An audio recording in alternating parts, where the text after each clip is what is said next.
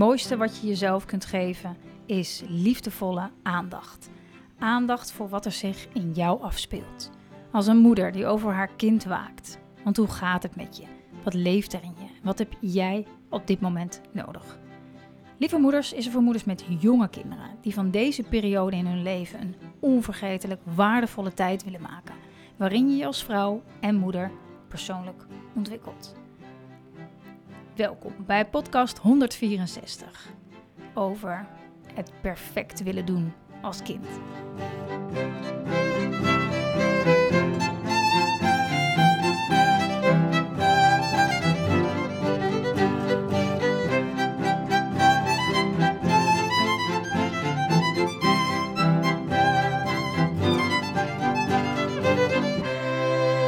Lieve, lieve moeder, fijn dat je kijkt, dat je luistert naar deze podcast. Het onderwerp komt van een lieve moeder die mij op Instagram vroeg. Hoe ga ik om met een kind, met mijn kind, die nu net naar groep 3 is gegaan en uh, ja, die volgens haar een beetje perf perf niet juist, perfectionistisch is. Um, mooie vraag, mooie vraag. Um, en, en, en ik denk, um, ik denk een hele, ja, ik wilde zeggen een hele, hele belangrijke, omdat dit, uh, dit gaat dan over perfectionisme, maar dit kan je ook voor elk andere, ja, manier van doen die je hebt, waar je last van hebt, of waar een kind last van heeft, eigenlijk geldt dit wat ik met je, wat ik met je ga delen. Want allereerst, als we het hebben over perfectionisme, dan, dan gaat het om de, de angst om het niet goed te doen. En in de kern waarschijnlijk angst niet goed genoeg te zijn. Alleen, ja, dat noemen we dan vaak perfectionisme. En ergens, ja, vind ik die term dus altijd een beetje irritant, omdat ik dan altijd denk van ja, perfectionisme, noem het beestje bij de naam. Ik zeg het niet tegen deze lieve moeder die dat, maar meer in het algemeen. En hebben we het over perfectionisme, heb ik het ook al vaak over, maar noem het beestje bij de naam. Want het is, het is geen perfectionisme. Dat is de uiting van een diepe angst niet genoeg te zijn. En dat is een vreselijk gevoel. En omdat het zo'n vreselijk gevoel is, omdat we dat gewoon zeker als kind niet kunnen verteren, gaan we er alles aan doen om dat niet te voelen. En een manier om dat niet te voelen is door de lat heel hoog te leggen voor jezelf. En, en dat gaat natuurlijk allemaal onbewust. En dan ontzettend uh, je best gaan doen. Zodat je maar niet voelt, ik ben niet goed genoeg. Dat geldt ook voor jou als moeder als je luistert en je hebt daar ook last van. En ik geloof, bedoel, nou, als ik naar mezelf kijk, maar ook een beetje om me heen, maar laat ik bij mezelf houden. Ik heb daar ook last van. Niet op elk vlak, maar op sommige vlakken wel. Dan, dan heb ik een diepe angst niet goed genoeg te zijn. Diepe angst. Dus het, het, het speelt misschien in meer of mindere mate wel bij heel veel van ons. Dus als je dat ziet bij je kind en je denkt: nee, nee, lieverd, nee. Weet je, dat kan zo pijnlijk zijn als je dan dat, dat, dat ziet bij je kind. En je wil alleen maar zeggen, liever, het maakt me niet uit. Maakt me niet uit wat je doet of wie je bent. I don't care. Ik hou van je. Ik hou van jou. Ik hou van jou. En niet van al die bla bla eromheen. Het maakt me niet uit. Je, dat zou je wel in die... Uh, zou je ze wel... Ja, zou je wel willen injecteren, dat gevoel. maar ja, het is zoals het is. Je moet het doen met wat er is. Dus als je dat ziet bij je kind, ten eerste zou altijd mijn eerste vraag zijn, als ik je tegenover me had, van waar merk je dat dan aan? Nou, dan waarschijnlijk zie je dat aan van alles en nog wat. En mijn tweede vraag zou zijn, hoe sta jij daarin? Hoe, hoe, hoe, hoe zit het met jouw angst daarvoor? Waarin uitzicht dat? Waarin merk jij dat je um, je best heel meer dan je best doet? Waarin merk jij dat je echt altijd zo meespeelt dat je altijd net iets verder gaat om het echt helemaal perfect te doen. En het moeilijke daarin aan is als je het als je naar jezelf kijkt en eerlijk bent, is dat we sommige standaarden zo eigen zijn gaan maken. Dat vinden we zo normaal. Ik had daar ook laatst een post over op, uh, op Instagram. Zo van, weet je, tuurlijk, liefdevol zijn naar jezelf. Maar soms, je eigen blinde vlekken zie je niet. Dus soms de manier van praten tegen jezelf, of je manier van doen, is voor jou, voor mij zo normaal. Dat je, daar helemaal niet, dat, je dat helemaal niet identificeert uh, als perfectionisme of als welke welk, welk gedrag dan ook. Nee, dat, ja, maar is toch normaal? is toch normaal dat je gewoon uh, meteen, uh, ik zeg maar wat, hè, op, je, op je appjes reageert. Je gaat toch niet mensen drie dagen laten wachten? Dat vind ik niet meer dan fatsoenlijk. Weet je, we, we, we, we verpakken het in allerlei uh, maatschappelijke normen en waarden. En dan, dan, dan lijkt het allemaal normaal, sommige dingen. Maar als je erbij stilstaat, echt wat langer, of iemand, hè, je bent bij een coach of op een andere manier, of je leest ergens iets en je, je denkt ineens van, hé, hey, wacht even, oh, misschien is dat helemaal niet zo heel normaal dat ik dat zo vind. Maar ja, je, nou, dan gaat je mind er natuurlijk weer meteen vandoor. Maar gewoon alleen al het besef van, nou, misschien, misschien misschien is dat wel niet zo helemaal normaal. Dus mijn, mijn, mijn tweede vraag zou dus ook zijn van, hey, hoe, hoe sta je hier zelf in? Waarin, waarin vertoon jij dit eh, gedrag? Niet, zo, niet, niet om te, meteen te zeggen, ga ik zo meteen natuurlijk wel zeggen, van, hé, hey, ja, um, als jij het zelf hebt, hoe wil je dat je kind uh, het dan leert? nee, klinkt nu heel ongezellig. Um, zo, ja, zo werkt het wel, maar maar niet met een, met een schuldlaag eroverheen. Het is, het is nooit jouw schuld of je partners schuld dat je kind ook bepaald gedrag vertoont wat jij of je partner heeft. Dat is geen schuld. Dat heeft te maken met dat daar op dat moment geen bewustzijn over was. Dat, was er niet. Er is geen, geen ouder die denkt van nou, ik vind het wel leuk, een kind met perfectionisme, wat zich helemaal de, helemaal de, te pletten werkt altijd om alles perfect te doen. Geen ouder wenst dat zijn kind toe, dus dat gaat niet bewust.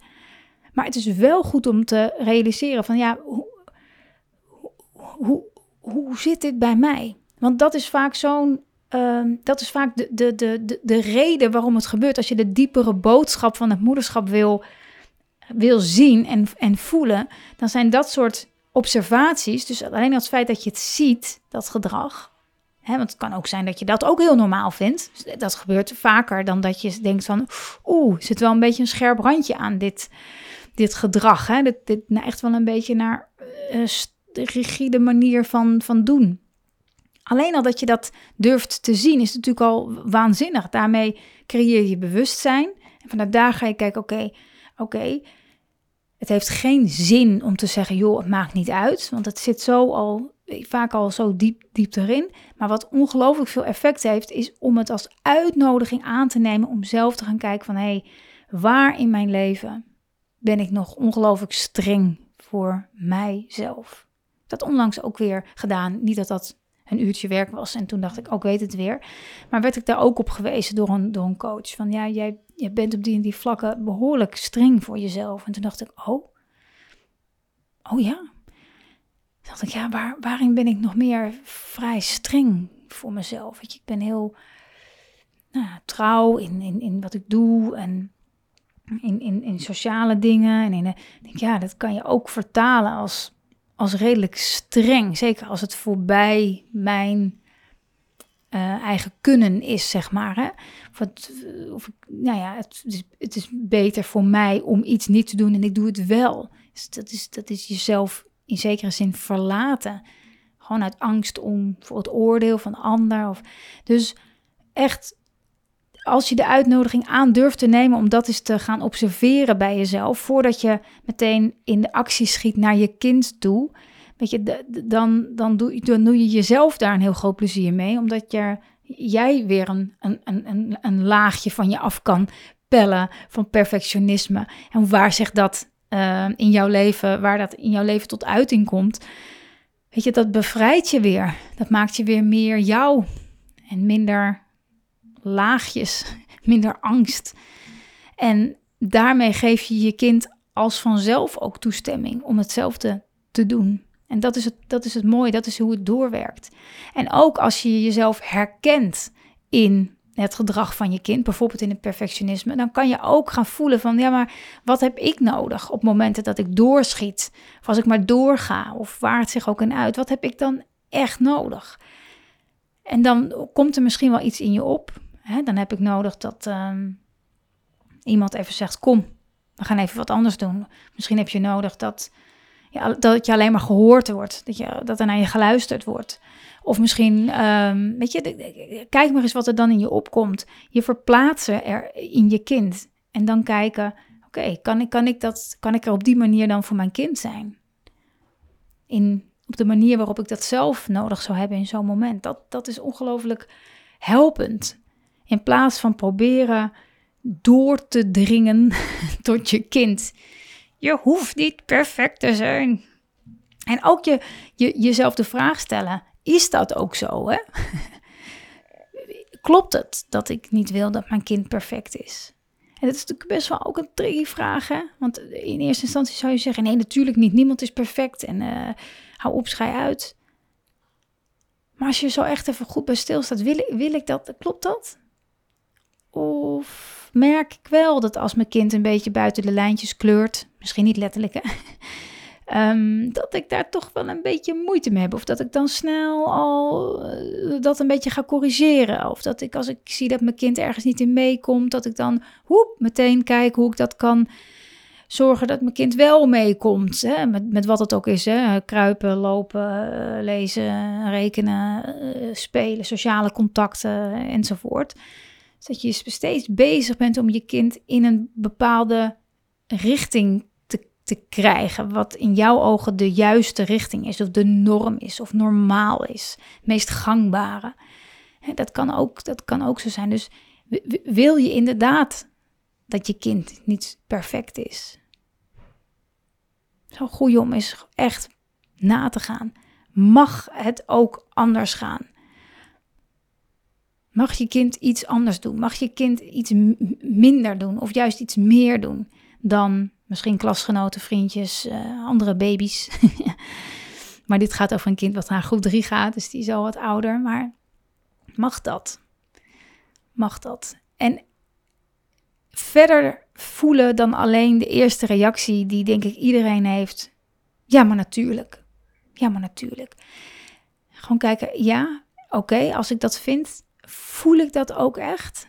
Want er komt, als, als je kind, nou ja, ik noem het afwijkt, want het is zo'n raar naar woord, maar afwijkt van de norm, laat ik het gewoon maar zo zeggen, dan, dan, dan kan dat ook een bepaald gevoel in ons triggeren, dat wij falen bijvoorbeeld.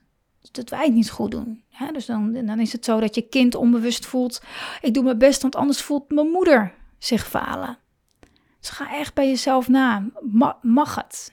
Mag mijn kind het niet perfect doen? Kan ik dat echt, kan ik daar vrede mee sluiten als je toch merkt van, hmm, dat vind ik eigenlijk best wel lastig. Het is ook niet zo makkelijk, hè? Stel je voor, iedereen, eh, ik zeg maar wat, uh, iedereen kan al uh, de letter A schrijven en, en, en, je kind krijgt het niet voor elkaar. Ga je dan, wat, hoe voelt dat voor jou? Ja, is misschien wel een slecht voorbeeld, zit ik nu te denken. Dat is ook wel onrealistisch. Nou, tenminste, dat zou natuurlijk kunnen, maar Misschien dat je daarvan denkt, nou ja, dat komt vanzelf wel. Maar, maar iets wat er voor jou toe doet. Dat, is, voelt dan misschien echt wel ongemakkelijk. En kan, kan je dat ongemak aan? Kan je dat dragen voor je kind? Zodat je kind kan zijn wie die is. Kan dat? Lukt dat? Ben je bereid daartoe? Ben je bereid in de spiegel te kijken en te erkennen: oeh, dit is misschien wel meer uh, mijn probleem, mijn ongemak, dan dat van mijn kind? Ik heb dat te dragen. Ik mag daarmee oefenen. En als, als het nodig is, hulp uitzoeken om, om, om, daar, om daarmee te leren omgaan. In plaats van dat je toch onbewust iets daarmee op je kind projecteert van jouw angst om niet genoeg te zijn. Ja, dat waren zo mijn gedachten bij de perfectionistische groep drieër. Hmm. En, en, en, en, en dank ook. Ik ben altijd heel blij met uh, de vragen die gesteld worden. Um, en ik, ik, kies ook altijd de, de onderwerpen eruit waarvan ik zeker weet dat je niet de enige bent die daarmee worstelt. Of waar ik mezelf in herken. Of iets wat ik regelmatig hoor. Dus altijd heel uh, dapper en mooi om dat woep op tafel te leggen.